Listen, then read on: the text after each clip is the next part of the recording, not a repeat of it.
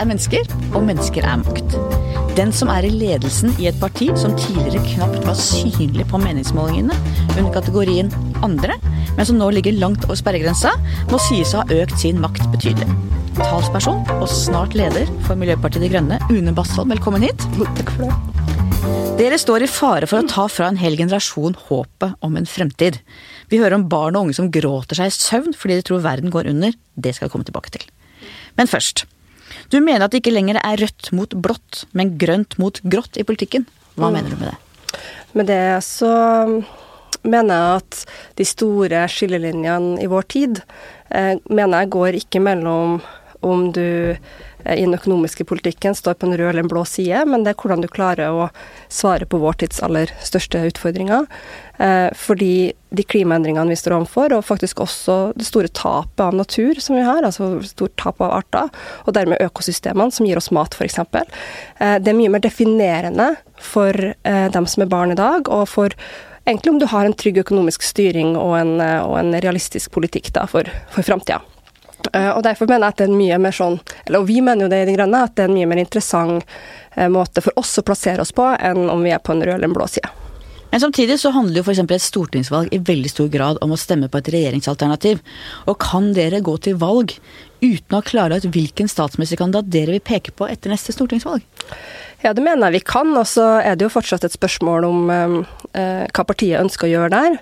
Det er fortsatt halvannet år til valget, så eh, nei, jeg er litt delt sjøl. Jeg har lyst til å se an litt diskusjon i partiet. fordi at på den ene sida så gir det jo en viss forutsigbarhet for velgerne hvis du klarer å peke på en statsministerkandidat i forkant. Uh, men jeg mener også at det har vært noe av problemet da, i norsk politikk veldig lenge, og særlig på klimaområdet, så har jo uh, små partier, da, som, eller små eller mellomstore partier som SV og Venstre, har på en måte allerede gifta seg med et alternativ i forkant, og har også derfor gitt fra seg for det første en del forhandlingsmakt, men også den dedikasjonen til politikken som egentlig bør komme først. Og jeg tenker det er ikke gitt egentlig at det skal være sånn, på en måte, at at det er regjeringsalternativet du stemmer på. Eh, for veldig mange velgere så stemmer man jo faktisk på sak.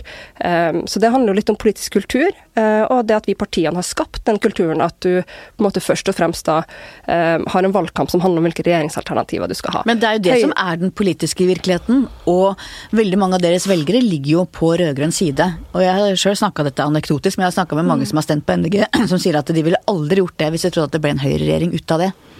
Og det vet vi jo sånn av tall stemmer nå, at med den høyresida vi har i dag, da, med et Høyre som har klistra seg veldig opp til Frp, og en statsministerkandidat, mener jeg, Erna Solberg, som jo um, åpenbart har nå seks og et halvt år med tett samarbeid med Fremskrittspartiet, og har nestledere som sier at Fremskrittspartiet fortsatt er det partiet som er nærmest dem i Stortinget, eh, så er jo det en høyreside som er ikke overrasker over at våre velgere eh, ønsker at vi skal være med og støtte. Samtidig og jeg også, jeg, jeg også, mener det, at med den, det Høyre vi har i dag, så er jo det et lite sannsynlig scenario.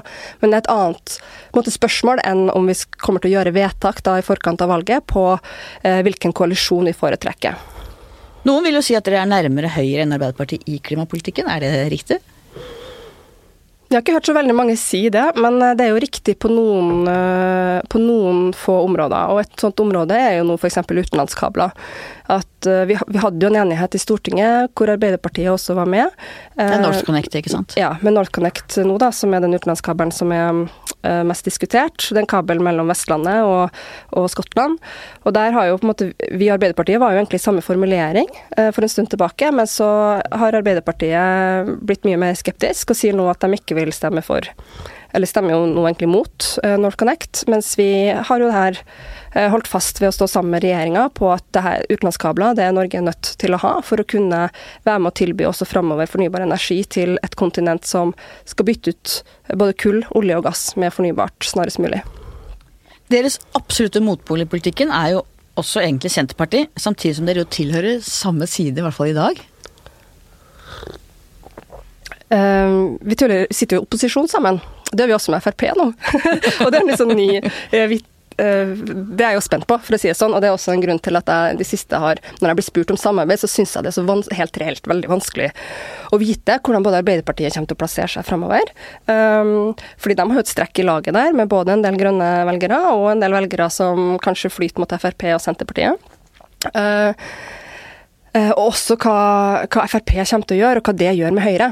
Eh? Og Det virker jo som Frp har tenkt å gå helt bananas i Stortinget. Det vil si måtte være veldig tydelig på sin primærpolitikk og ikke forholde seg til noe samarbeid i det hele tatt. Og da ønsker jo jeg meg et Arbeiderparti som er mye mer uh, offensivt og tar ansvar som opposisjonsparti ved, ved å tilby på en måte regjeringa flertall med Arbeiderpartiet på viktige områder som f.eks. klima, da, istedenfor å be regjeringa gå til Frp, som jeg opplever har vært litt Støre sin linje hittil.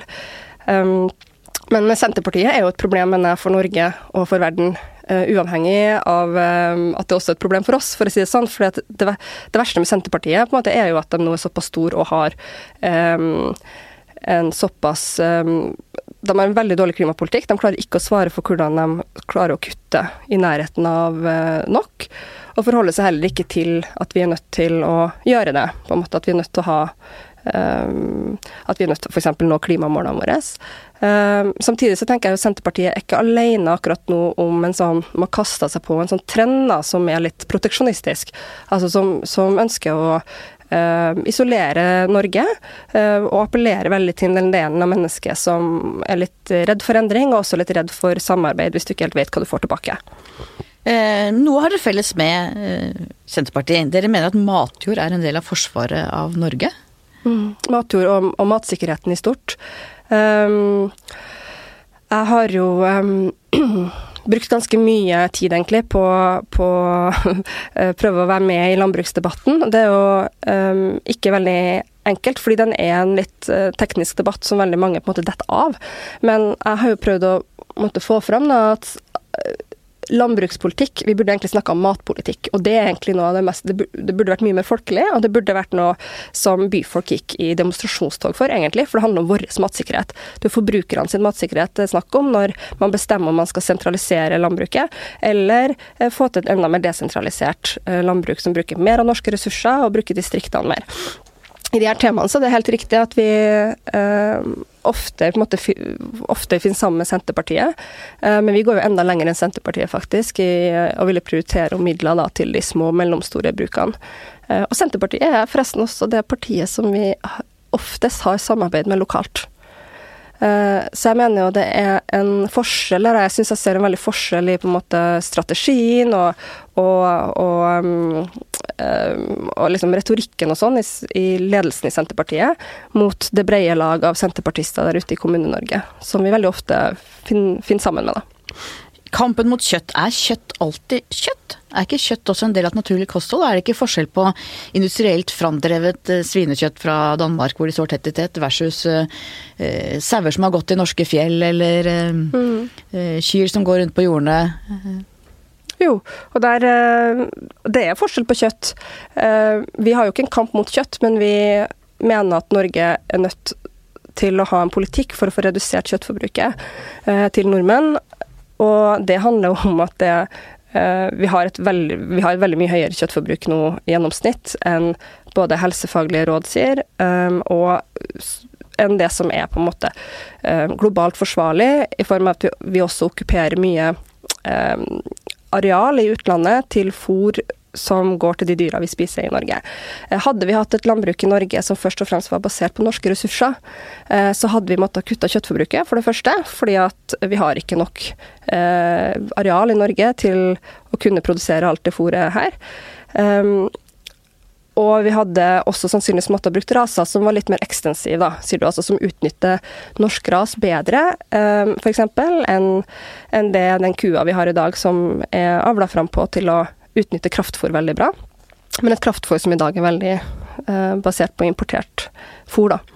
Så jeg mener at det er viktig og veldig riktig at vi som nasjon har et mål om å redusere kjøttfor kjøttforbruket. Og det betyr at vi bruker de virkemidlene vi kan. Og det handler jo ikke om å sette seg ned ved kjøkkenbordet til folk og liksom bestemme da skal du ha kjøtt til middag i dag eller ikke. Men det blir jo, lett, litt, det blir jo lett litt moralistisk når man begynner med liksom kjøttfrie dager i eh, sykehjem som eh, blir dirigert. Altså at det er det ligger jo et sånt isletta, litt sånn ubehagelig moralisme i det. Særlig på institusjoner ja, hvor folk ikke har noe valg. Vi har jo ikke sagt at vi nødvendigvis må inn i sykehjem. Og sykehjemmene for øvrig, altså den eldre delen av befolkninga er jo veldig vant til mye mindre kjøtt. Eh, det, så det er jo, eh, kort sagt hvis man skal si at noen er problemet, på en måte, så er det ikke dem. Eh, det er jo min generasjon som er veldig vant til at det skal til at, Og det er en matkultur som er veldig vant til at det er mye kjøtt. Og det må vi som land liksom forholde oss til når det både strider mot helsefaglige råd og det strider mot klimamål. Og det er også veldig vanskelig å få til en, et landbruk med god dyrevelferd når du har så høyt pris- og volumpress som, som, vi har i dag. Eh, så vi mener jo at eh, landbruks, altså det å redusere kjøttforbruket, hvis vi får til det i fellesskap, så gir det rom også for et, eh, en landbrukspolitikk som, som går litt saktere. Altså det vil si et, et, en matproduksjon som klarer å bruke mer av norske ressurser, selv om det ikke er økonomisk Eh, det mest måte, lønnsomme på kort sikt. Uh, og det handler jo også om at matsikkerheten vår er avhengig av at vi har en produksjon som er spredt, og som ikke er for avhengig av import. Uh, fordi vi vet at bl.a. matproduksjon er noe av det som blir veldig ramma av klimaendringer, og da vil også handelen med mat globalt bli veldig ramma. Så vi, vi, er smart hvis vi rigger inn landbruket vårt sånn at vi er mer sjølforsynt.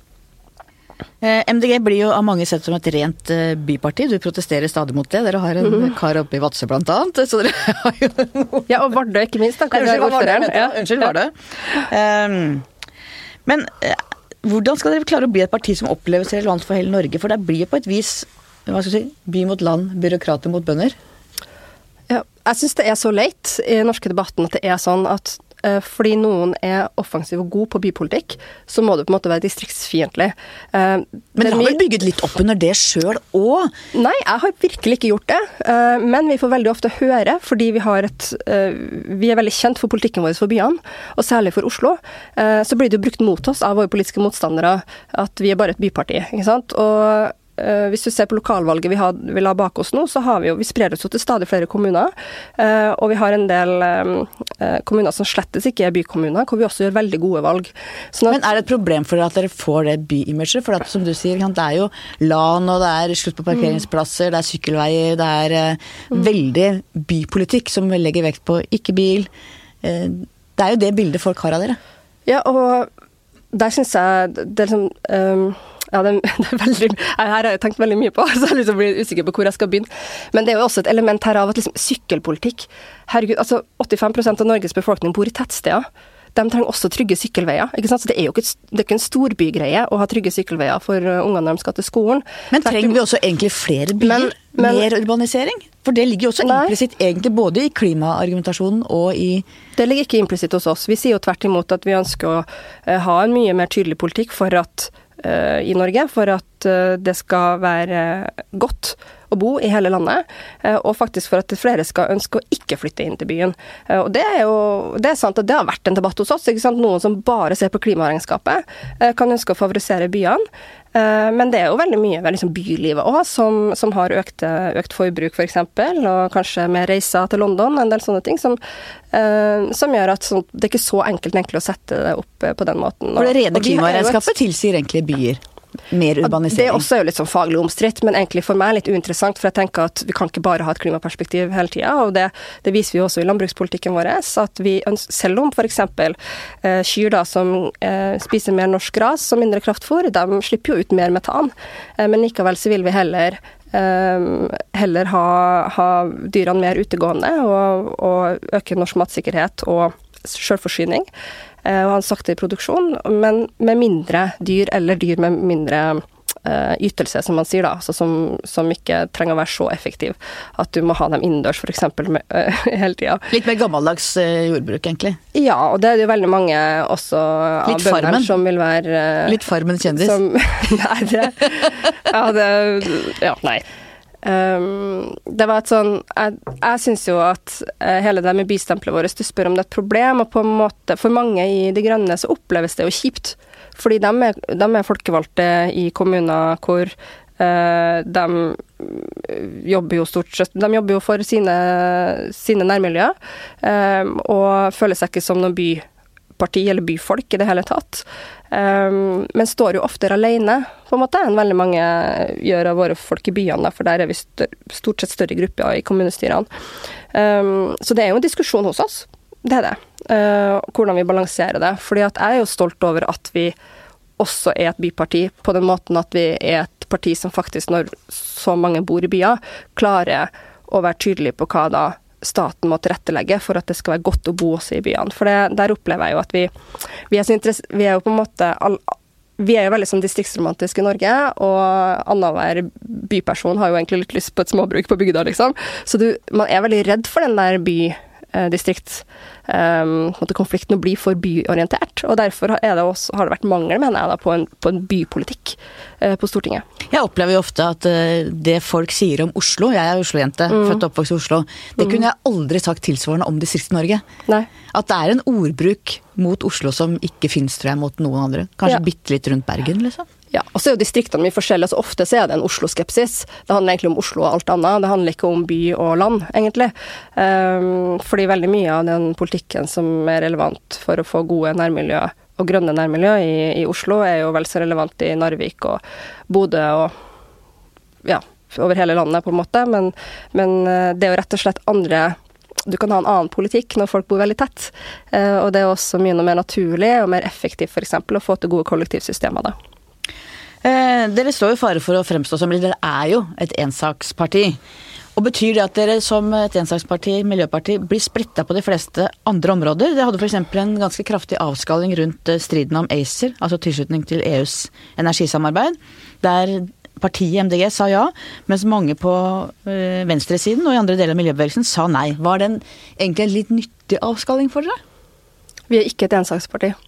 Det er utrolig, det er men det er utrolig, ja, men det, det er jo viktig for oss, og grunnen til at det er sant, er at vi har jo et partiprogram eh, på helsepolitikk, på skolepolitikk, skattepolitikk. Jeg sitter jo i finanskomiteen. Jeg legger fram alternative statsbudsjetter, så jeg legger fram politikk også for alle andre områder. Men vi er 1 av 169 da, på Stortinget, ehm, og det er meg. sånn at det er helt riktig at jeg prioriterer jo tida mi veldig på klima- og miljøsaken, og vi mener at det er den saken som på en måte eller det saksområdet som egentlig går på tvers av veldig mange sektorer. Der er det jo transport og næring og olje og energi og alt, ikke sant. Og ACER òg er jo klimapolitikk.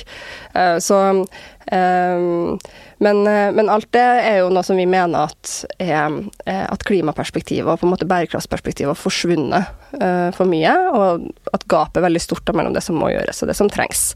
Det som trengs og det som gjøres, ja. Og derfor så prioriterer vi jo tida vår der, og vi sier også at det er det vi setter først i forhandlinger. Ehm, men ensaksparti er vi ikke. Men Var det nyttig med den avskalingen? Var det viktig å på en måte få spissa partiet på, på det internasjonale? da? For det var det det egentlig handla om? Jeg er i hvert fall stolt over at vi, ehm, vi var tydelige der på hva som er riktig. Og hvorfor og sa du ja? Uh, fordi ACER-debatten var jo fullstendig tatt ut av proporsjoner.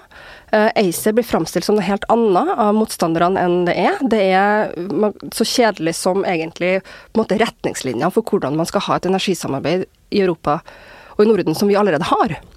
Så vi er jo allerede med på det samarbeidet. og Eh, hell og lykke for det. Altså, vi importerer jo kraft veldig store deler av året, like mye som vi eksporterer. Det her gir forutsigbarhet i pris, i energiforsyning for nordmenn, som er veldig viktig. Og selvfølgelig må det være regler for hvordan det skal skje. De reglene er ACER. Eh, så vi har jo ikke gitt fra oss noe suverenitet. Men det som skjedde der, var jo at eh, Senterpartiet og flere andre kasta seg på da. Eh, dessverre også SV og Rødt, ikke sant. Det er jo ikke så overraskende. Jeg var helt enig med dere der. Bare ja, si det. Vi støtta dere på Kasta seg liksom på å tappe inn i den, der, i den gamle EU-striden, opplever jeg. Um, og også en følelse som har blitt forsterka av regjeringa sin sentraliserende politikk, som er sånn at avgjørelsene tas, skal tas liksom mer og mer et annet sted. Og vi som bor i vårt nærmiljø, vi, vi, blir ikke hørt. Så man tapper på en måte inn i et, i et, veldig forståelig engasjement og en frykt der for å på en måte bli forbigått i historien, eh, og ikke, og ikke bli sett. Og du mister tjenestene dine, skolen blir lagt ned. ikke sant? Det er sånn, Alt det her skjer samtidig, og så sier man at liksom nå kommer ACER da, og, og, på en måte forsterker det. Eh, nå skal ikke liksom, beslutningene tas i Norge lenger. og det, eh, det, er jo, det, er jo, direkte feil, og det er nok et eksempel på at vi vi liker å gjøre det som vi mener er, er rett, da. Vi har jo på en måte um, Det er ikke så mange av oss som, uh, som blir så begeistra for sånne populistiske trender og den typen argumenter heller. Uh, så du kommer ikke veldig langt i Miljøpartiet De Grønne med argumentet sånn um, ja, men nå tror folk at det er det det er, så da må vi være mot, på en måte. Hvis ikke så mister vi velgere, uh, da vil folk i De Grønne si at ja, men da må vi ut og fortelle hva det her er, for vi skal ta politisk ledelse, og vi skal mobilisere til det som er riktig. Uh, ikke på en måte å prøve å snakke til engasjementet og liksom håpet til folk, ikke til endringsfrykt eller samarbeidsfrykt. Dere er jo de eneste på rød-grønn side. Jeg har dere fortsatt på rød-grønn side? Jeg hører deg. Ja. Da må vi slutte å krangle på det på et eller annet tidspunkt hvis det skal gå bra. Ja. Som ved siden av Arbeiderpartiet sier klart ja til EØS-avtalen. Hva er mm. ditt viktigste argument for den avtalen? Det er veldig viktig for uh, norsk industri, men også samarbeidet i seg sjøl er noe som vår tid trenger. Og Det snakkes jo mye om handlingsrommet innenfor EØS-avtalen. Mm. Hvor stort mener du at det er, og bruker vi det godt nok i dag? Altså, vi sier jo også i program at vi vil jo at Norge skal bruke handlingsrommet mer. Um, til både å sikre måte, åpne, demokratiske, uh, liksom forutsigbare politiske prosesser for, for, Norge. Det er viktig for tilliten til handelsavtalene vi er med på, men også uh, fordi det er oppbyggende, på en måte. Og så sier vi at vi vil bruke avtalen mer til å fremme miljø og klima. Og vittig nok så er jo Europa såpass mye bedre på klima enn Norge at vi regjeringa springer til EU for å få beskjed om hva man skal gjøre nå, istedenfor å på en måte forplikte seg sjøl, da. Eh, så akkurat nå så er det jo eh, vel så viktig at Norge på en måte mm, Norge skulle jo prøvd å konkurrere egentlig med EU litt mer på å være best på klima, tenker jeg. MDG springer ut av den internasjonale grønne bevegelsen. Dere har et tett samarbeid med andre europeiske søsterpartier. Mm, mm. Um, hva tenker du sjøl om EU? Hva ville du stemt uh, i dag hvis det var ja eller nei til EU? Ja, jeg tror ikke jeg trenger å si det her, jo. men Nei, fordi at det, det, er jo ikke et, det er jo ikke en aktuell problemstilling akkurat nå. Hadde det vært det, så kanskje jeg hadde sagt det. Uh, men uh, uh, jeg vet jo at de fleste av velgerne våre er jo skeptiske. De fleste velgerne, det er vel flertall, tror jeg, blant velgerne, ja, ja, ja. alle partier, mot, mot å tilknytte oss EU. Og jeg tenker jo det er et tidspunkt nå liksom i historien og i EU sin historie hvor det Jeg syns vi gjør veldig eh, klokt hvis vi bruker EU nå, um, og det samarbeidet vi har gjennom EØS, til å fremme samarbeid og, og bidra til at vi f.eks. er med mye bedre på, uh, på um, avtaler for å håndtere flyktningkrisa, f.eks., som nå um, foregår i Middelhavet, og hvor vi egentlig bare sier at vi, vi skal forholde oss bare til den fordelinga EU foreslår på et tidspunkt, istedenfor sjøl å gå inn og uh, si at ja, men ok, hei, vi er villige til å ta imot uh, Vi er villige til å ta imot uh, 1000 barn. Det har vi kapasitet til i de Moria-leirene hvor barn ikke har noen gode vilkår. Men hvis du ser på uh, Dette er skrevet om hvis du, mm. ser, Det helt naturlige og logiske tenker jeg for MDG ville være å si ja til norsk EU-medlemskap og fronte det. Nettopp fordi at det er klima som er deres viktigste sak. Og nettopp fordi det er helt åpenbart for alle tenkende mennesker at mm. klimaproblemene uh, må løses i fellesskap gjennom forpliktende overnasjonalt samarbeid. Og Derfor tenker jeg Hvis det er noen som kunne tatt den ledertrøya og gitt den EU-debatten en annen vinkling denne gangen, mm. en annen uh, måte å tenke på enn de ganske sånn uh, nå blir folk sikkert men ganske sånn ja. snevre nasjonalistiske kreftene som sørga for at det ble nei sist, så er det mm. dere.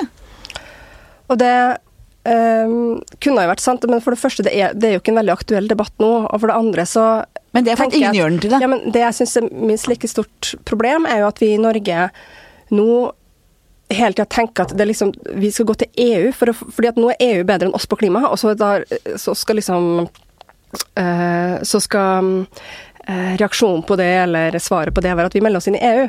Vel, det er en mye enklere måte å gjøre det her på når det handler om klima, og det er jo at vi sjøl skjerper oss. Jo, men det, effekt, det har mye større effekt å sitte ved bordet i EU og påvirke hele EU til en strammere enn at vi skulle være en sånn slags ledestjerne i Norge og bitte lille med våre lille andre ja, nå, utslippene å gjøre noe.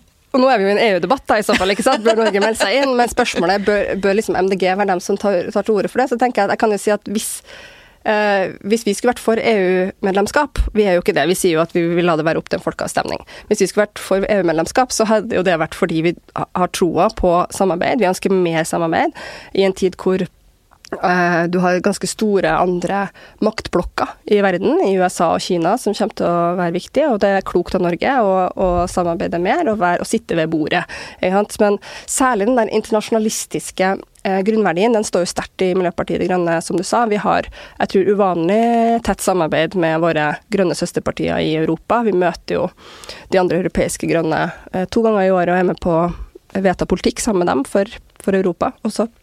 Så, øh, men, øh, men, jeg tror ikke vi Det her er jo helt opp til programkomiteen og sånn, men jeg, jeg, tror at vi også måtte, er der i dag at når det ikke er en aktuell problemstilling, øh, så syns vi også uansett at det er fint å kunne vise til en folkeavstemning, for en såpass stor beslutning vil uansett måtte trenge en folkeavstemning. Jeg hører hva du sier. Ja. sånn er det. Sånn er det. De fleste velgerne deres mener jo, som vi var inne på, at dere hører til på rød-grønn side. Fortell om ditt første møte med Ap-leder Jonas Gahr Støre live på Blindern, da du var ung student og han ja, var utenriksminister. Har du lest om det, ja? ja.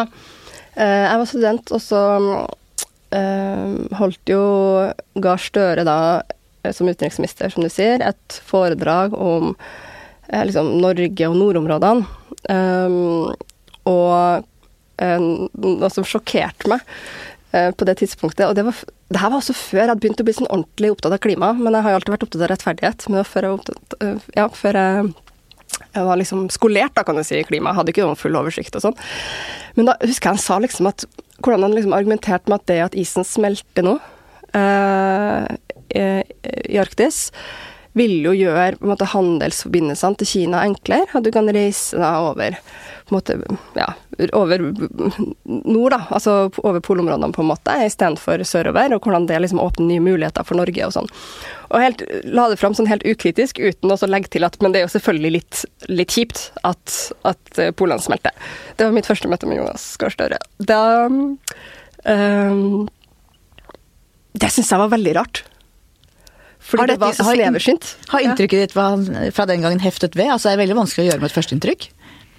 Ja Nå er ikke jeg sånn veldig eh, ikke så veldig hard sånn med folk, da, generelt. Eller, eh, ja, jeg har ikke tenkt Jeg har vel ikke tenkt det Jo, kanskje. Kanskje en stund, ja. At jeg er usikker på om han har skjønt alvoret. Det er jeg. Mm. Og, men jeg vet jo at han har folk rundt seg som, som, som på en måte vil da ønske å fortelle han det. og hvor han sjøl står der, altså hvor, hvor, akutt han mener klimaendringene er, og Norges rolle der i å kutte utslippet, det, det, hører vi jo Det hører vi jo alle sammen, på en måte hva han sier utad. Ja. Selv er du gammel AUF-er. Du var med tre år i AUF i ungdommen. Mm. Er du fortsatt sosialdemokrat inni deg når det gjelder økonomisk politikk, fordelingspolitikk, den type saker? Jeg var på middag med olje- og energiminister Tina Bru her forleden. Og da sa hun at um, Og det, det, har jeg sagt noen ganger også, så det er så artig å høre hun si det som Høyre-dame, at vi er jo alle egentlig litt sosialdemokrater i Norge. Og det, er, altså, det syns jeg òg. Det er jo veldig mye vi har på en måte blitt enige om, og, og har blitt etablert. Og gudskjelov, tenker jeg, det arbeiderbevegelsen har klart å etablere da, arbeiderrettigheter og, og, og en universell velferdsstat, som jeg heier veldig på jeg, det er veldig fremmed for meg, da, sånn helt, helt, alvorlig, å kalle meg sosialdemokrat. Det ville jeg aldri gjort. Um, jeg kaller meg grønn, og det er jo en nyere ideologi, men den har jo elementer i seg, den grønne ideologien, da, av både eh, arbeiderbevegelse og kvinnebevegelse, fredsbevegelse, men også den sosialliberale eh, kreftene som var var ganske sterk på 1800-tallet. Slutten av 1700-tallet. Du vil kalle det en ideologi framfor en, en, en praktisk retta politikk for å løse et akutt problem? Det er en ja. ideologi? En grønn ja. ideologi? Ja, jeg mener det, og jeg er jo på en måte Det var faktisk det jeg skrev masteroppgave om. Eh, litt, I hvert fall dykka jeg litt inn i den grønne ideologien eh, da. Eh, og det Ja, der ligger det menneskesyn, og der ligger, eh, der ligger en del grunnverdier som baserer seg mye på solidaritet, da. Og hvor på en måte et viktig prosjekt for oss er jo å utvide solidariteten mellom meg og deg her, meg og deg her i det her rommet, eh, og de jeg møter liksom i hverdagen min, til eh, å gå på tvers av grenser, men også generasjoner. Og generasjonsperspektivet kjenner jeg jo at jeg er veldig gira på å løfte opp mye mer i norsk politikk enn i dag. Jeg ser at jeg tror, er, jeg tror veldig mange godt voksne politikere er, mm, rett og slett ikke har tenkt over den generasjonskonflikten som ligger i, i klima- og naturkrisa. Fordi Ikke fordi noen ønsker barna sine vondt, det tror jeg jo uh, heldigvis gjelder veldig få, og ikke norske politikere. Men det er fordi at vi er liksom litt lulla inn i en politisk kultur som uh, har fortalt oss at vi på en måte vi må gå litt langsomt framover. Um, og, vi og, vi alle rent menneskelig liker jo ikke å måtte gjøre endringer, verken i hverdagen vår eller i hva vi på en måte sto for som politiker i forrige fjor. Men det er den typen endringer som trengs da, i vår tid. Og, og den oppvoksende generasjonen har, er jo veldig utålmodig. Eh, men, eh, altså, og for dem så haster det. Men hvis du ser på i, andre typer ideologier, så er jo de aller fleste er forankra langs en slags høyre-venstre-akse og handler mye om økonomi.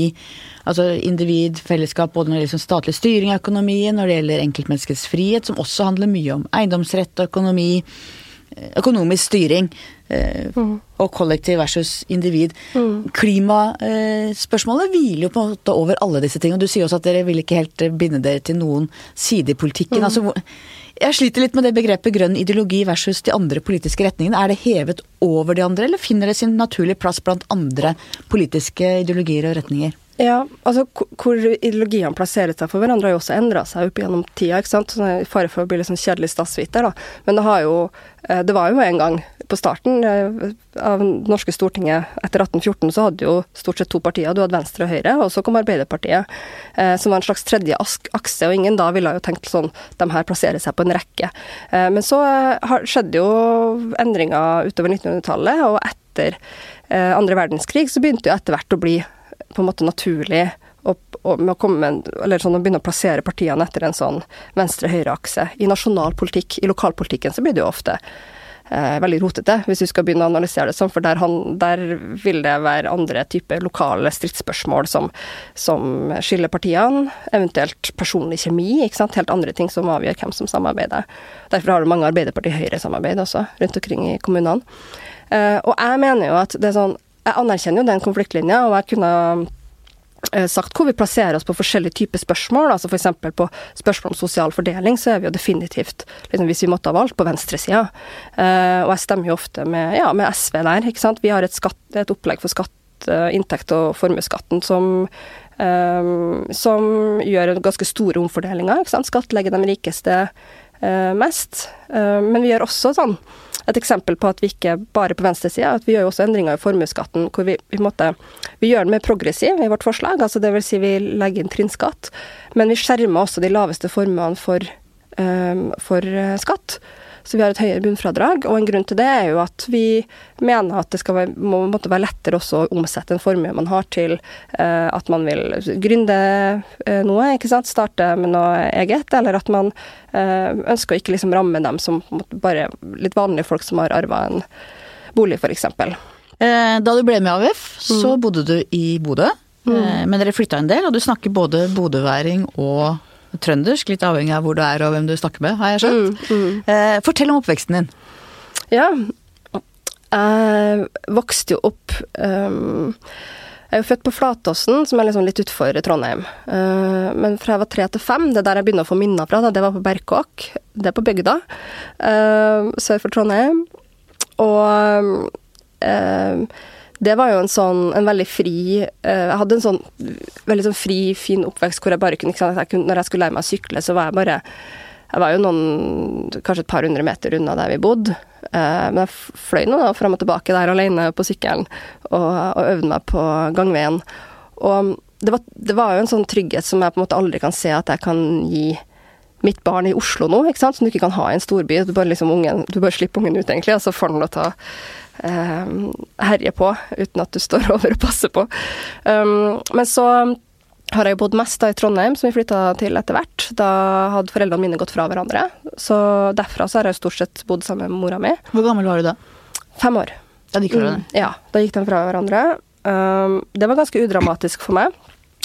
Men uh, søstera mi husker litt mer av kranglinga, uh, vet jeg. Og så uh, bodde med mamma, men så pappa veldig ofte fortsatt. Og så flytta vi etter hvert til Bodø.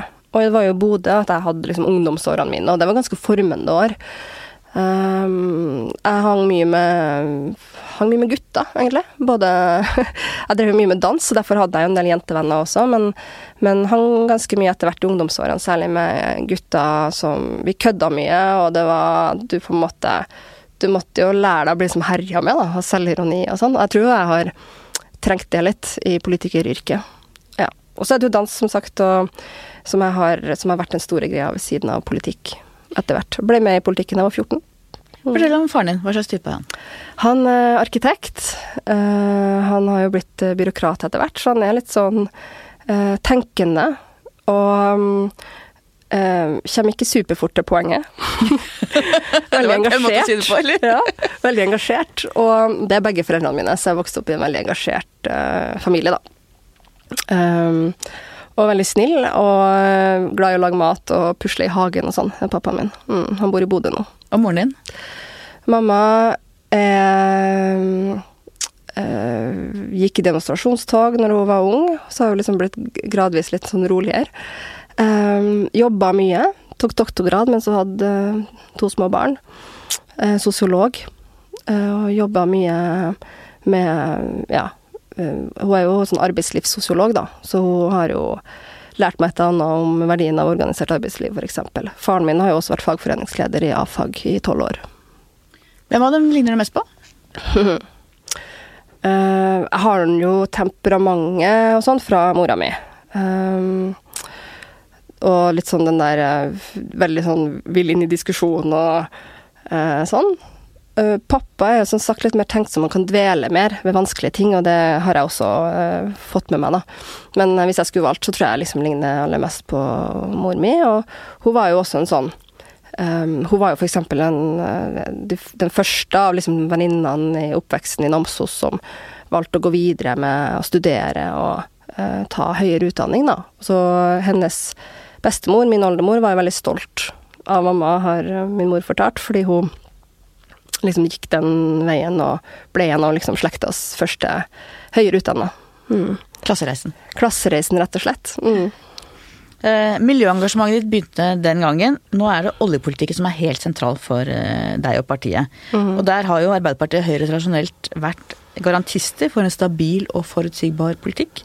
Og nå ser Arbeiderpartiet ut til å vakle mer, til MDGs glede kanskje, og andres fortvilelse. Hvordan vil du beskrive utviklingen i de to store partienes oljepolitikk de siste årene? Um, de har jo um, hatt litt forskjellig utgangspunkt. Den, jeg syns jo at store partier har veldig godt av å være i opposisjon. Da driver de litt friere politikkutvikling. Og Arbeiderpartiet har jo, gjorde et viktig vedtak, det var vel i fjor, på landsmøtet sitt, uh, om Lofoten, Vesterålen og Senja. Uh, men samtidig, i det samme vedtaket, det her var jo et kompromissforslag, så sier de jo at de vil ha fortsatt full gass på, på petroleum. Og eh, Men de har jo hatt en sånn De har i hvert fall hatt en bred landsmøtedebatt om norsk oljepolitikk. Eh, Høyre har jo eh, ikke hatt det på samme måten. Og i Arbeiderpartiet så har du også hatt uh, Har du jo fått vedtak nå i Trondheim Arbeiderparti f.eks. for, for uh, utfasing uh, av olje og gass. Så jeg syns jo begge Jeg er jo spent på begge to, på en måte, fram mot landsmøtet 2021.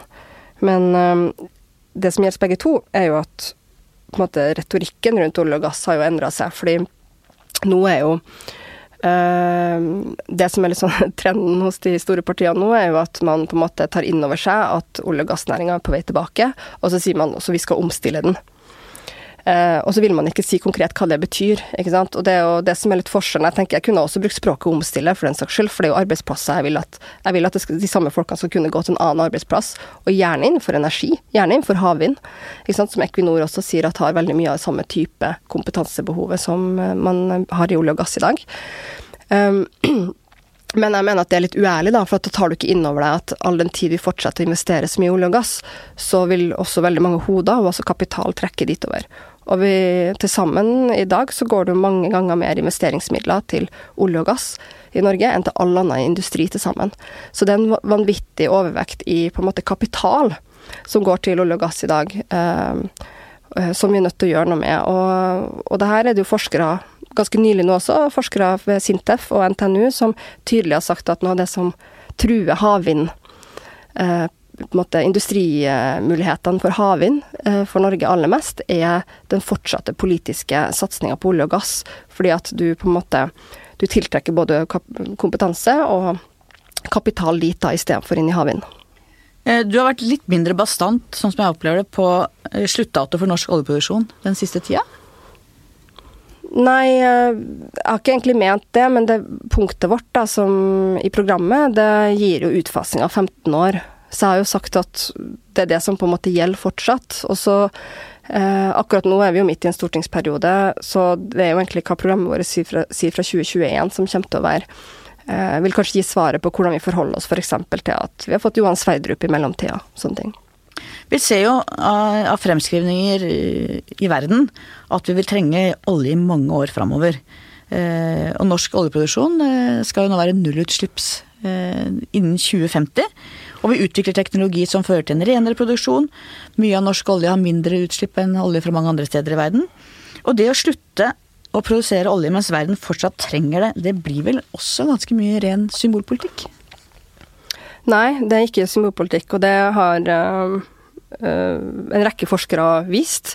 Um, SSB har konkludert med det, at en, en reduksjon i utvinning av olje i Norge vil føre til redusert utslipp fra olje globalt. Og de beregner jo at eh, omtrent en tredjedel av utslippene eller du kan si en tredjedel av produksjonen vil ikke bli erstatta. Så du vil få, ikke sant, hvis, hvis vi nå faser ut olja, nå sitter jeg bare på olje, ikke på gass, hvis vi faser ut olja, så beregner både SSB og også ti samfunnsøkonomer gikk ut i en, i en rapport sammen uh, i fjor sommer, var vel det, eller det var sommeren 2018, var det, og sa det samme, at man, man må beregne at en del av produksjonen vil bli erstatta av oljeproduksjon et annet sted, men i netto så blir det Eh, blir det eh, en reell klimaeffekt som er ganske stor. Uh, og det handler om flere ting, men det handler bl.a. om at vi er en ganske stor aktør, sånn at vi påvirker der også markedet. Og, og, da har ikke de tatt stilling til sym, altså symbolikken eller det virkelige sterke signalet i at Norge som oljenasjon viser så tydelig for, norske, for, for, det europeiske markedet at vi ikke har tenkt å fortsette å satse på olje og gass.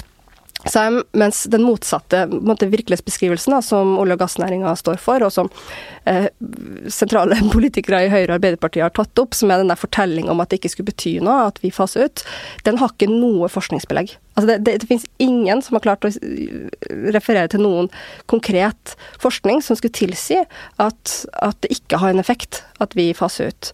Tvert imot så vet vi at, at Ehm, at utslippene på norsk sokkel er høy, og at uh, utslippene fra olje og gassen som kommer fra selve utvinninga, den er veldig lite i forhold til måte, Eller det er veldig mange ganger flere mye mer utslipp fra når oljen brennes, enn når den utvinnes. Så det som er interessant på en måte i en sånn beregning av utslipp i olje og gass, er ikke egentlig utslippene du har i utvinning, men det er hva det brukes til. Så For deg betyr det ingenting at man jobber nå for å få nullutslipp på sokkelen? På selve Jeg tenker jo Gitt at vi har uh, utvinning på norsk sokkel, så er det jo bra den er elektrifisert. Jeg mener det burde jo skje fortrinnsvis gjennom havvind, så vi samtidig er med på å bygge ut noe fornybart som vi skal fortsette med.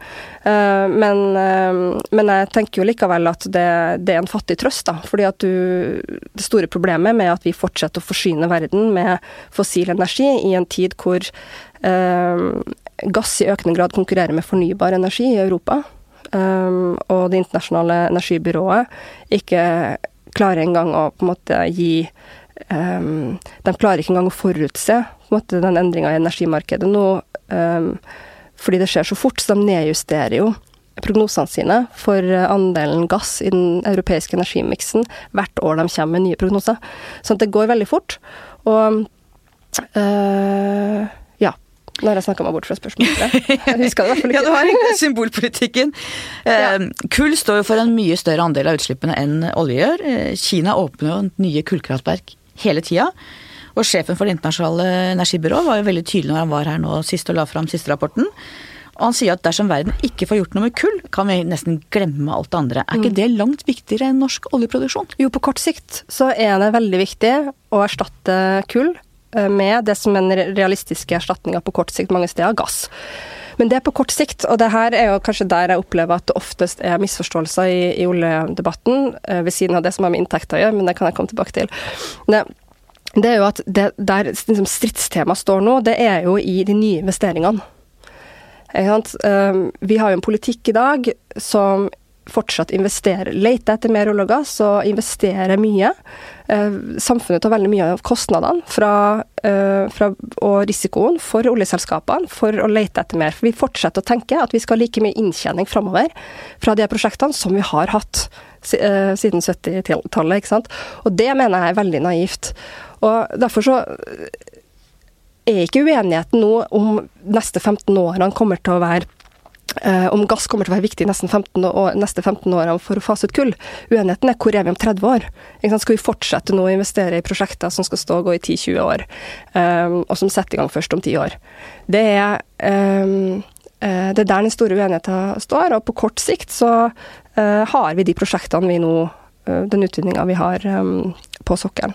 Så jeg vil jo mene at Jeg mener jo personlig at en mye Jeg mener det er veldig redelig og, og tydelig og, og måte bra å vise når vi mener at øh, olje- og gassnæringa skulle ha vært fasa ut, men en mye mer interessant politisk debatt er jo virkemidlene for å få til det. For dem er jo veldig viktige, og der tenker jeg at det mest skånsomme måten å begynne å fase ut på, er jo å slutte å lete etter mer olje og gass, og slutte å åpne nye felt. Eh, velferden vår hviler jo på på oljen i stor grad. Arbeidsplassene i oljen er de mest lønnsomme helt i særklasse. Det er jo, de sier at det er tosifra millionbeløp bak hver arbeidsplass. Mm. Nestemann på lista er kanskje to-tre millioner bak hver arbeidsplass i det lønnsomme. Eh, hvis vi kutter ut gassen, så vil vi jo da også bli et fattigere land. Vil et fattigere Norge ha mindre å bidra med i omstillingen verden uh, står overfor? Altså er det et gode for verden at Norge får mindre penger å rutte med? Ja. Nå fikk jeg komme tilbake til den andre myten, som jeg nevnte i stad, om inntektene. Det, altså, inntektene fra norsk sokkel går inn på petroleumsfondet. Um, og halleluja for det. Det er noen framtidsretta, gode politikere før min tid som sørga for det, at vi har et oljefond, uh, tidligere kalt Pensjonsfondet, da. Og det er jo derfra vi henter inntektene som går inn på statsbudsjettet. Det fondet i dag, det vokser mer for hvert år av de investeringene som gjøres, av fondsmidlene, enn av friske penger inn fra produksjon på norsk sokkel. Så det vil si at vi kunne, og det her ønsker jeg jo ikke, men vi kunne i teorien kutta måtte, all produksjon eh, av olje og gass i dag. Eh, og fortsatt så ville det fondet fortsatt å vokse, og vi kunne hatt en en, eh, bare vi investerer de midlene på en, på en, fornuftig måte, så ville vi kunne fortsatt å bruke like mye inn på statsbudsjettet. Om vi bør det, er en annen sak. Men vi hadde jo hatt en helt annen velstandsnivå blant de som jobber i industrien, ja, og, og i de miljøene ja, det langs hele Norgeskysten. Ja, så det var de pengene som kommer fra, fra skatteinntektene, det som du på en måte kaller netto kontantstrømmen da, fra, fra sokkelen. Eh, det er bare veldig mange som ikke vet det, ikke sant? at det ikke går rett inn på statsbudsjettet, så det er viktig å si. Så eh, mener jeg at det aller viktigste vi gjør for å hindre at den omstillinga eh, får negativ, eh, følger for, på en måte, for um, enkeltpersoner og familier, men også for velferdsstaten vår, er jo å sørge for at folkene er i jobb. Altså det er jo det som er Hva skal vi leve av i Norge? Vel, at folk stort sett er i jobb. Av folkene, av kunnskap, som vi har gjort i dag, og av mange forskjellige typer næringer. Eh, og så mener jeg jo at vi må satse mye mer på havvind, fordi vi vet vi har masse folk som er, har kompetanse på store installasjoner til havs. Vi har eh, næringsklynger som allerede i dag bygger skip, som, er, eh, som vil være veldig godt tilrettelagt for å kunne bidra til å bygge ut havvindparkene. Eh, og Eh, og det er det vi skal, Derfor er på en måte utfordringa å sørge for at omstillinga ikke gir stor arbeidsledighet. Og vi snakker jo altså om et par hundre tusen arbeidsplasser i, som er ofte helt avgjørende bedrifter i små lokalsamfunn langs hele norskekysten. En del av verftene er det. Um, veldig mange av de 50 000 som man snakker om som jobber i selve i oljeselskapene, de jobber i høye glasshus uh, i Asker, for å si det sånn. Så det er ikke, det er ikke de hjørnesteinsbedriftene på samme måte. Men verftene gjør det. Og verftene, jeg mener at de folka som går til jobb på et verft hver, hver, hver dag, dem skal vi gi andre kunder. Så de kommer til å fortsette å gå til samme jobben, men de skal produsere eh, Kanskje Aker i Verdalen da, skal produsere understelte havvindparker istedenfor understelte plattformer, oljeplattformer. Men da må vi være mye mer på hugget på å satse på det som er alternativene, og det gjør vi ikke i dag. Og havvind utmerker seg jo da eh, ved at det er så eh, Det er en voldsomt potensial der for fornybar energiproduksjon, og det er så tydelig på en måte overlappende kompetanse, som også Equinor, Equinor sier sjøl, da. Men, men, er det ikke stor forskjell på en markedsstyrt avvikling eller utfasing og en politisk vedtatt. Altså, det, Mye av dette går jo uh, naturlig også. Jeg var for mange år siden på Ulsteinvik hvor de fortalte hvordan de hadde gått fra å bygge fiskebåter, og så begynte de med skip til oljeindustrien, og da kom de gamle fiskerne inn og fortalte hvordan mm. båtene skulle fungere, og de fant ja. opp den omvendte at det er en naturlig omstilling som skjer for at markedet krever det. Er ikke det noe annet enn å vedta politisk at noe skal endres? Men olja var jo aldri det. En naturlig Altså det var jo en virkelig sterk politisk satsing på olje eh, og gass, som har gjort at vi har blitt gode på det. Så, og det regnestykket venter jeg fortsatt litt på, da, men det er det som ser på hvor mye har vi faktisk investert i å bli så eh, god på olje og gass og fått veldig mye penger tilbake, ikke sant. Um, og det er jo noe tilsvarende vi må tørre å tenke om det som skal erstatte olja også, at vi må tørre å tenke at det er noe som på en måte vi må investere i på kort sikt, og så etter hvert så vil det gå ut. og F.eks. havvind har vi jo en mulighet for å eh, kunne eksportere eh, både eh, kunnskap, teknologi og selve industrien. Og bygge, være med å bygge ut havvindparker. Ikke utenfor norskekysten, men utenfor Frankrike og Storbritannia, og være med på de konkurransene som kommer til å bli mange av framover. Um, og det er jo rundt sånn, Nå regner man vel ca. 170 000 som jobber tilknyttet olje og gass. Eh, da, hvis man baserer seg på SSB sine tall. Uh, og jeg bruker å si at rundt 50 000 av dem de jobber jo i oljeselskapene. og så En del av dem må jo på en måte ha en annen arbeidsgiver, eller oljeselskapene er nødt til å omstille seg til å bli energiselskaper. Mens veldig mange av de andre, der må jo målet være at de kan gå til samme jobben, men de produserer noe annet, eller de har andre kunder. Men det blir en helt annen lønnsomhet, i hvert fall utgangspunkt i den type industri? Ja, per arbeidsplass. ikke sant. Ja. Du får, og det er jo veldig viktig å tenke jeg, eller det er jo viktig å være ærlig på, at det er jo veldig lite sannsynlig at vi finner en tilsvarende på en måte, som, noe tilsvarende som skal erstatte olja, som vil ha samme type verdiskaping per hode som olja har. Det er jo helt unikt. Du, og det er jo fordi at det er um, på en måte, det, det her er jo en råvareeksport med, av en råvare som har enormt høy verdi, da. Eh, en verdi som vi kan regne med at kommer til å falle framover. Fellesforbundets leder Jørn Eggum var hos meg her nylig. Mm. Dere har hatt noen eh, heftige runder dere imellom, eh, nettopp om oljepolitikken. Men jeg syns å ane at dere har nærmet dere hverandre bitte lite grann. Har jeg rett i det? Ja, vi har i hvert fall um, sittet i samme rom og hatt uh, et godt møte. Og det, var, det som var artig med det møtet, var jo at vi snakka mye om andre ting enn olje og gass. da. Vi snakka mye om annen næringspolitikk, om hvordan man bør bruke offentlige innkjøp med tydeligere til å uh, Eller ha krav til offentlige innkjøp, da, som kommunene gjør, og fylkeskommunene og staten. Sånn at uh, det har høye nok krav til både liksom, ja, HMS og sosiale forhold, altså arbeidsrettigheter. og um, og klima og miljø, til at også norsk industri vil kunne ha en fordel da, um, i de anbudene. Um, og, og, som gjør at det offentlige bidrar mye mer gjennom innkjøpene til, en, til på en måte de verdiene vi står for ellers. da. Eggum forsvarer jo interessene til eh, sine medlemmer, mm. men han er jo ingen klimafornekter. Tvert om, vil jeg si. Han forteller mm. at både han og hans medlemmer er opptatt av klima, ja. opptatt av det grønne skiftet. Men at spørsmålet er mer hvordan og i hvilket tempo. Definerer du og dere ham som en motstander i klimakampen, eller ser dere noen områder der dere faktisk kan møtes også i når det gjelder oljepolitikken? Vi har i hvert fall ikke definert um, noen arbeidstakerorganisasjoner som fiender. Og jeg har jo uh, for det første veldig respekt for at Fellesforbundet representerer sine medlemmer. Det jeg håper, er jo at fagforeningene, og det gjelder også egentlig um, sosialdemokrat, altså Arbeiderpartiet i Norge, da, er bedre enn en del Eller blir flinkere enn de har vært i en del andre europeiske land til å være med og forsvare uh, til å forsvare, eller på en måte stake ut hva er det man trenger da, for at den omstillinga skal være bra for sine medlemmer uh, og for arbeidsplassene, uh, istedenfor å forsvare dagens arbeidsplasser. Nå ble det litt utydelig, kanskje, men Jo, jeg skjønte hva du mente. Mens, for du har eksempler på land i Europa hvor hvor um, fagforeningene og også sosialdemokratiske partier har på en måte falt for fristelsen å, å forsvare måte dagens arbeidsplasser, istedenfor å være opptatt av hvordan uh, arbeidsforholdene, um, deltakelse for medarbeidere, medbestemmelse, arbeidsrettigheter, parts eh, liksom partene i arbeidslivet skal brukes i omstillinga og skal få ha en plass i omstillinga. Og jeg tenker jo at det at vi har et så godt organisert arbeidsliv i Norge, eh, er jo en av måte, grunnene til at vi bør klare en omstilling i Norge eh, uten at vi taper på det som, som samfunn. At det er en enorm styrke vi har, og at vi også bør prøve å bruke den omstillinga til å styrke det organiserte arbeidslivet, og ikke motsatt. Um, men da må på en måte Det er en forutsetning at de arbeidstakerne som er, som er mest berørt av omstillinga i olje og gass, uh, er liksom tidlig på ballen og sier ok, hva er det vi forventer? Vil vi ha en jobbgaranti, f.eks.? Uh, hvis det skal være en sånn uh, omstilling, sånn at vi vet at våre medlemmer kan gå til en jobb som da driver med noe annet. I den polariserte debatten vi har nå, så tillegger man kanskje hverandre meninger som man ikke har i virkeligheten. Jeg tror Eggum f.eks. føler at det blir tegnet et bilde av han som han ikke kjenner seg igjen i. Jeg vet det er mange andre som opplever det samme. Trengs det sånne motsetninger for å få opp engasjementet, eller er det tvert imot ødeleggende for debatten? Jeg tenker jo en del av debatten, altså det som handler f.eks. om skam, som vi har fått høre mye mot oss, da, eh, og det at du klistrer klimafornektelse på folk som har andre måte, syn på løsningene.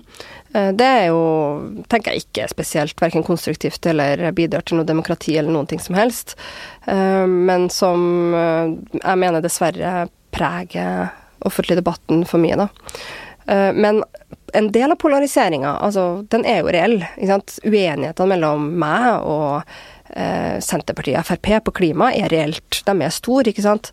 Eh, vi er uenige om eh, tiltak, vi er uenige om ambisjonsnivå, vi er egentlig uenige om det meste. Eh, vi, og jeg jo til og med Altså, jeg mener jo at Senterpartiet har en eh, ikke har en særlig god politikk for distriktene heller. De på en måte skal isolere distriktene. Eh, i en tid hvor resten av samfunnet skal endre seg ganske stort, da, ganske mye. Og så skal, måte, så skal man ikke merke den endringa på, på bygda. Det syns jeg virker veldig lite troverdig, og gjør, vil gjøre bygda mye mindre attraktiv for unge folk, f.eks. De snakker ned bygda? Tilbake. Ja, sånn, ja, liksom, sy litt sånn puter under øh, armene på folk, og på en måte å plassere også, eller snakke som om folk som bor utenfor en storby ikke er interessert i å være med i å kutte utslipp, og, og gjerne skulle kjørt elbil istedenfor, hvis de kunne. Ikke sant? Uh, Istedenfor å på en måte være med i konkurransen om å tilby folk over hele landet, uansett hvordan du bor og hva slags hverdag du har, du har en mulighet til å eh, velger det som er mest miljøvennlig, og forutsetter på en måte at de fleste ønsker det, når de sier i undersøkelser. Forresten, folk sier jo i undersøkelser at de gjerne vil være med å Eller flertallet sier at de gjerne skulle endre forbruket sitt, eh, reisevaner og sånt, hvis de eh, vet at det kutter utslipp. Eh, den økonomiske politikken er, vil jeg hevde, MDGs svake punkt, både i forhold til oljepolitikken, men også mer generelt. Dere sier, som SV jo også alltid har sagt, at budsjettforslagene deres henger sammen, men i likhet med SV så kan dere jo saldere og ordne i visshet om at deres budsjett aldri vil måtte bestå virkelighetens prøve. Dere vil vel egentlig ha et ganske radikalt annerledes Norge? Um, tenker det er helt fint å være uenig om uh, vår økonomiske politikk er realistisk, men jeg er jo veldig trygg på det. Jeg, som sagt, jeg har jo på en måte Min politiske reise kommer jo fra uh, Jeg er jo statsviter. Jeg er opptatt av trygg styring, og veldig mange av våre faktisk kommunepolitikere også jeg, uh, tar ofte til orde for mye mer sånn Um, ja, for mindre urealistisk pengebruk da, i kommunen. Og det er nok noe med at vi vi har stort sett ganske langsiktige perspektiver. Uh, og eller skrudd sammen sånn som politikere, vi i De grønne, at vi prøver å tenke langt fram, da. Um, og, og, på tvers av generasjoner. Så uh, de budsjettene jeg legger fram, det som in store inntjeningene der, er jo for det første endringene i skattepolitikken. Som jo er helt realistisk og kan gjennomføre det.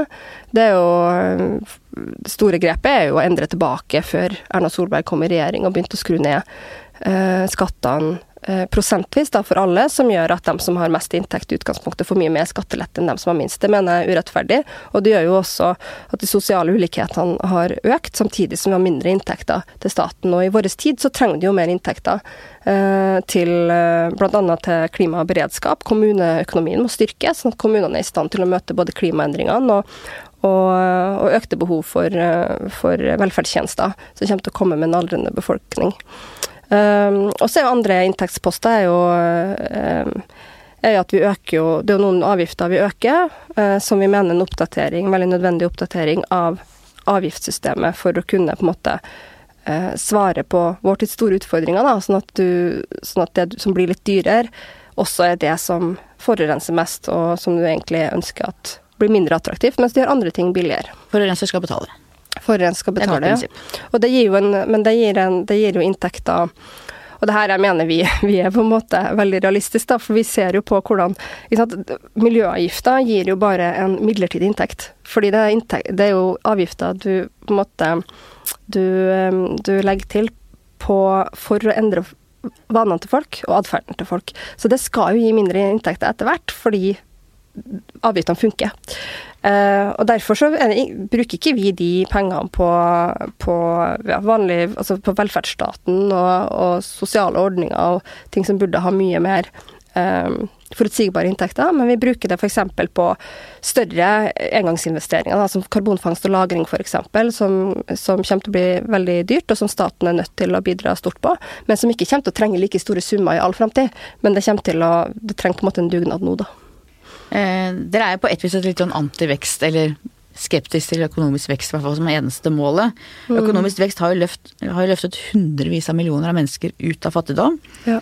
Eh, og er ikke situasjonen den at vi også nå trenger økonomisk vekst for å klare det grønne skiftet? Både fordi det gir rom for teknologisk utvikling, og fordi vi må ha en romslig økonomi for å sørge for nettopp at ingen faller utenfor og blir tapere i den omstillinga vi står midt oppi. Altså I Norge så er jo ikke problemet at vi ikke har um, nok velstand.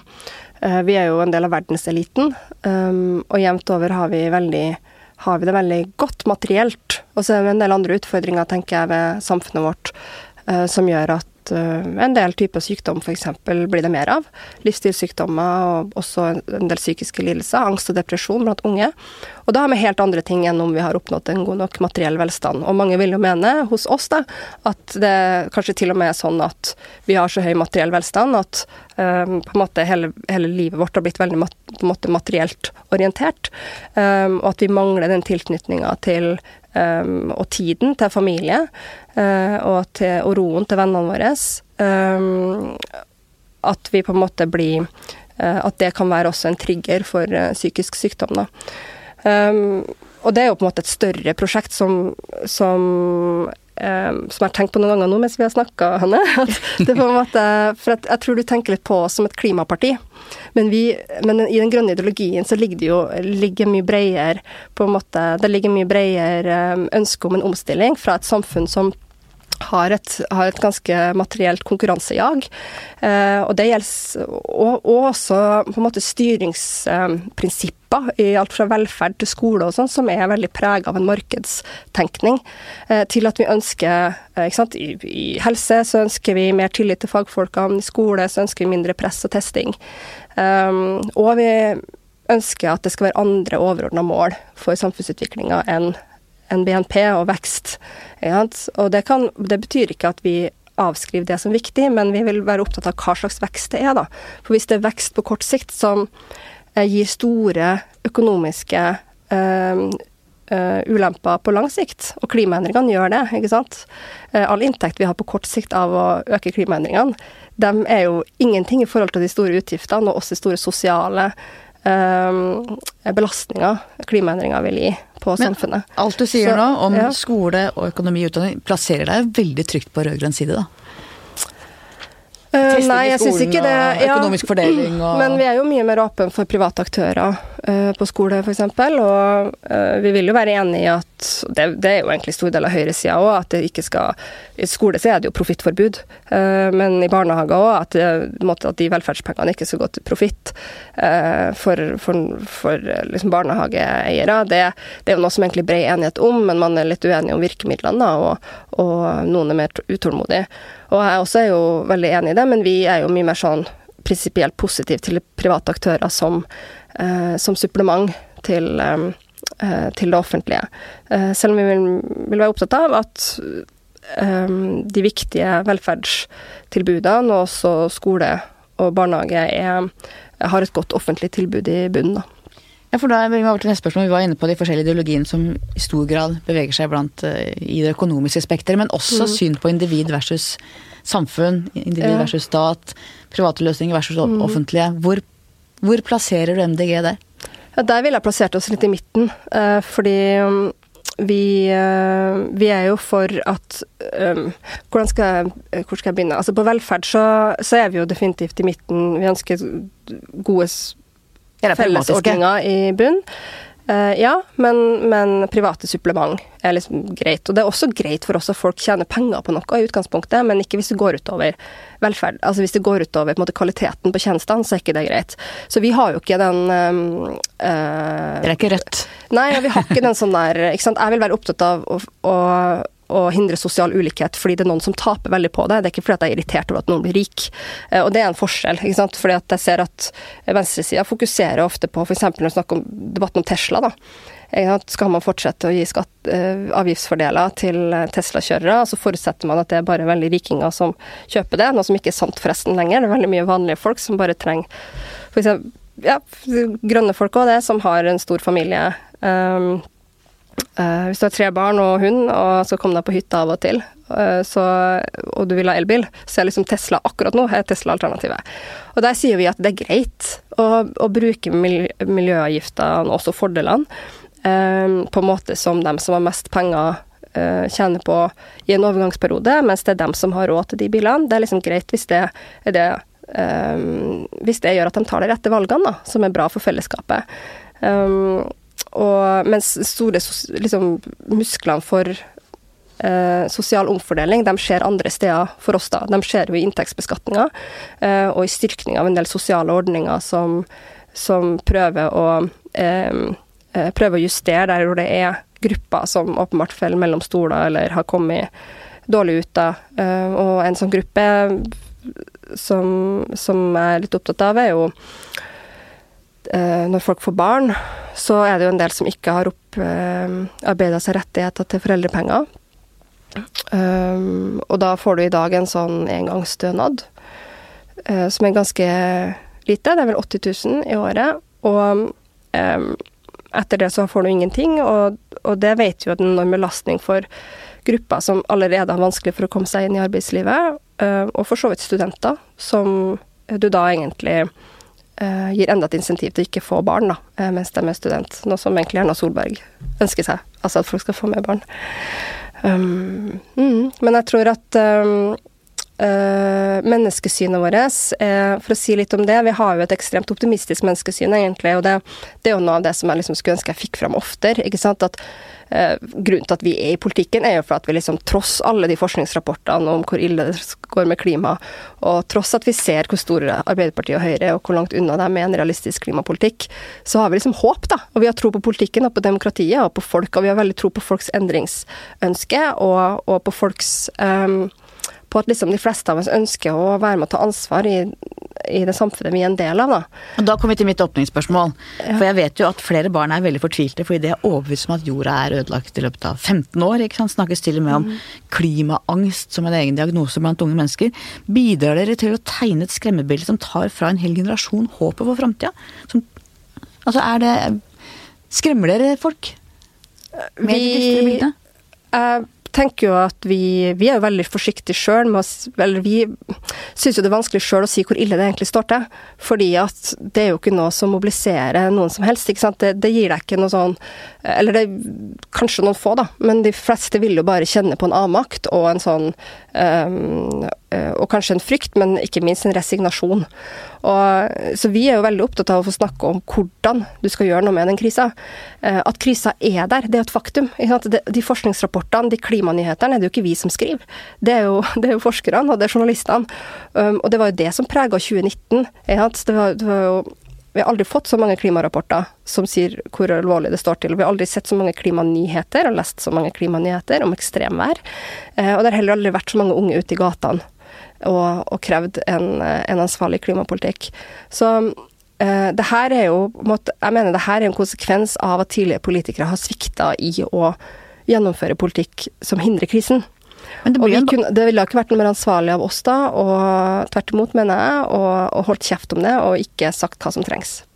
Jeg tenker at det er en slags balanse i det. Eh, når eh, ungdommer og Greta Thunberg og ungdommer jeg jobber med sier at eh, de voksne har ikke gjort noen ting, mm. alt er så er jo ikke det helt riktig. Du hadde Gro Harlem Brundtland med store bærekraftkommisjonen på 80-tallet, ikke sant. Du har mm.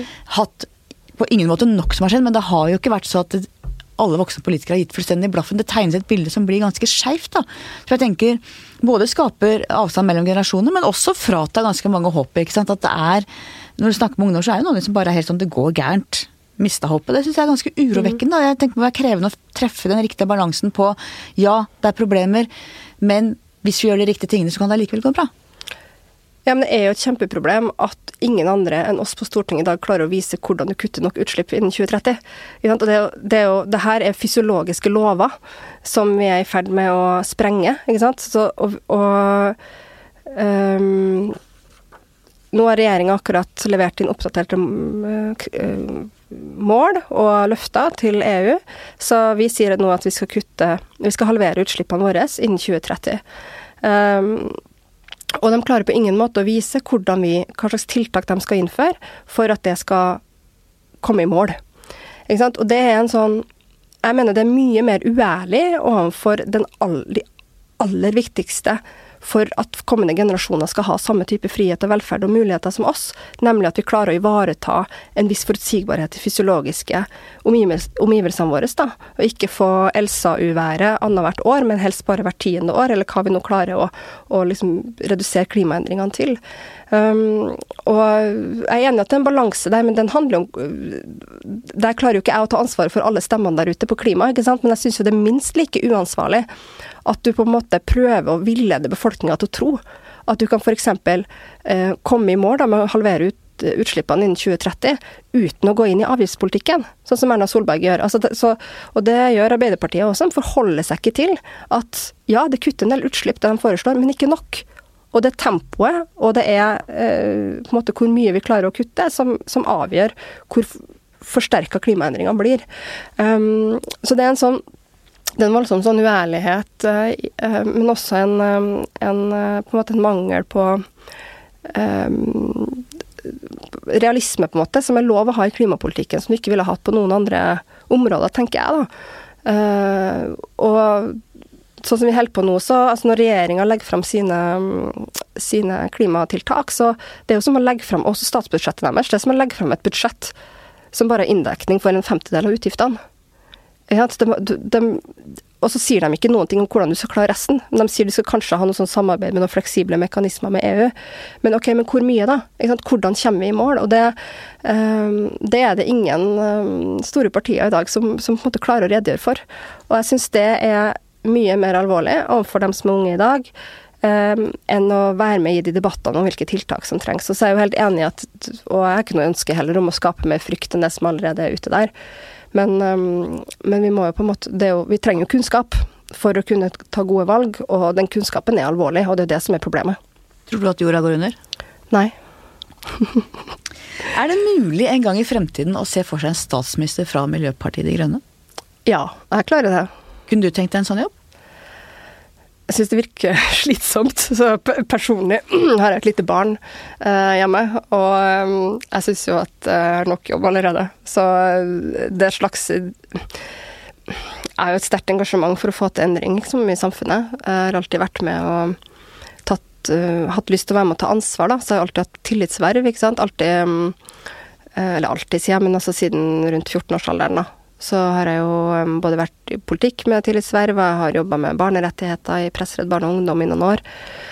Og eh, derfor er det faktisk litt rart for meg å være en sånn 169 på Stortinget og skal være raddisen som er bare i opposisjon. Fordi at jeg har egentlig Det har jeg tenkt på noen ganger, at det er litt merkelig for meg, fordi at jeg har jo gått inn i politikken for jeg liker å være med og ta ansvar. Så du ville sitte i regjering? Du ville være statsråd? Ja, det ja, det er naturlig. Øh, for meg, men, men, ikke fordi at jeg er så opptatt av uh, å på en måte ha den arbeidshverdagen. ikke sant? For jeg, er ikke, jeg, er ikke sånn, jeg søker ikke makt, men jeg liker å ta ansvar. Men det ligger også at du ser for at MDG bør gå inn hvis det er mulig i et regjeringssamarbeid? Ja, hvis vi får til en plattform som gjør at uh, vi får til mer ved å sitte i regjering enn å være i opposisjon, så mener jeg jo det er veldig uh, bra at vi er et, ansvar som ønsker, et parti som ønsker å være med å ta ansvar og, um, og også være med å styre, da. Eh, hva ser du som viktige norske verdier? Ikke eksklusivt norske, men viktige verdier i det norske samfunnet? Fellesskap, måtte jeg. At vi er gode på å løse ting sammen. Um, jeg syns jo også um, måtte menneskerettigheter, ytringsfrihet, pressefrihet, altså det som gjør at vi kan ha et demokrati og en åpen debatt som uten å frykte represalier og um, sånn, er, er viktig. Um, og så um, er det jo Det er jo noe Uh, ja, det er kanskje det jeg syns er, litt, er nok litt sånn internasjonalistisk orientert, da, på en måte, for det er jo ikke særlig norske nødvendigvis. Men, uh, men jeg syns også det er liksom Vi er jo flinke til å Vi har fortsatt en del av det der i Norge som som øh, Og du oftere finner på små steder enn i store byer, som er den der at du på en måte Du hilser, og vi ser hverandre. Og øh, Ja, nei det, jeg tror jeg sa det viktigste først. Mm. det, det, er jo, det, er jo, noe sånn jeg synes, fordi at det er jo noe Når jeg begynner, tenker at vi har begynt å tape litt, da, kanskje i store byer, så derfor jeg ble jeg litt sånn usikker nå. Men uh, jeg syns jo fortsatt det er så mange steder i Norge at du um, det oppleves ikke som det er en stor avstand mellom folk. Og det handler jo også om at det ikke er veldig store sosiale ulikheter, tross alt, da, selv om de er økende. Så tenker jeg ofte at innflyttere til Oslo eh, ikke helt ser at Oslo består også av mange bygder. Ja, det gjør det. Mm. Hvordan ser du religionens plass i det norske samfunnet? Jeg er jo vokst opp um, med to foreldre som er um, på en måte ville ha kalt seg ateister, da, eller humanetikere. Og um, en uh, morfar som var til og med litt sånn sint på kirka. Han var murer og kommunist en periode før han ble grønn. Hele familien min har blitt grønn forresten de siste årene. Men jeg var først, det skal jeg ha. uh, så Så jeg har egentlig lært meg å forstå mye mer religionens rolle hos veldig mange, og troas rolle gjennom venner jeg har hatt, og som jeg har møtt i skolen. Som for øvrig er en fin ting med det norske samfunnet, at vi har den felles stort sett en fellesskole som, som gjør at forskjellige folk eh, blandes. Og eh, selv om jeg ikke mener at den har løst alle oppgaver, men så er den sånn. Den, den er, fungerer stort sett bra på det. Og eh, jeg tenker at det er lite jeg, jeg, tror på jeg når um, noen uh, mener at det er litt lite raust hvis du går ut som troende uh, i Norge, også som kristen. At vi um, ikke på en måte er så vant til lenger å respektere det og forstår det så godt. Um, det tror jeg på. Og det gjelder jo også minoritetsreligioner i Norge i aller høyeste grad. At du blir fort stigmatisert, da tror jeg, hvis du forteller at du er muslim, eller du deltar i en offentlig debatt og er muslim, så det blir det på en måte hele tida sånn vedheng, da. Ikke sant? Det blir brillene du ser gjennom? Ja. ja. Vil tillegge det veldig mye vekt, selv om det egentlig er en privat, um, en privat tro. Hva med ditt eget forhold til religion? Tror du på Gud? Nei, jeg gjør ikke det.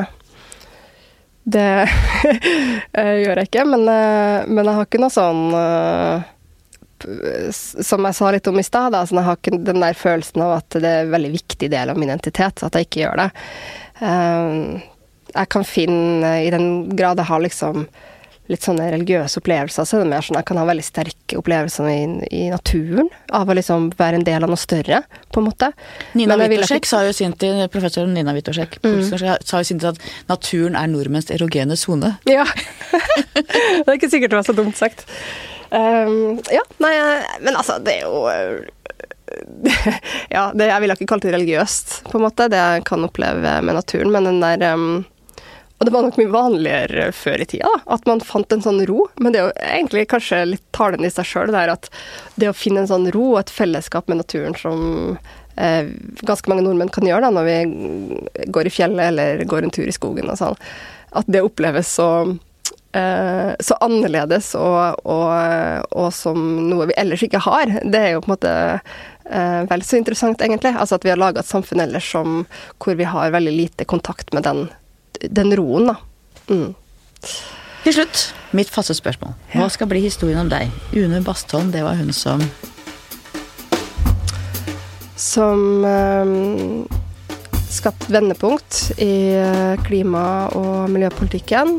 Um, ved å også påvirke de store partiene og presse de store partiene til å uh, prioritere neste generasjons rettigheter mye høyere. Og um, for meg så er ikke det nødvendigvis at jeg er godt i regjering, men det er at jeg har klart å mobilisere veldig mange flere velgere til å uh, stemme for miljø og klima. Og fått også mange flere unge til å bruke stemmeretten sin. Og dermed har vi gjort gode valg og blitt etablert som et bredt folkeparti. Tusen takk for at du kom. Hjertelig takk for praten. Takk til deg som hørte på. Takk til researcher Grete Ruud og vår faste produsent Magne Antonsen. Vi høres igjen om litt.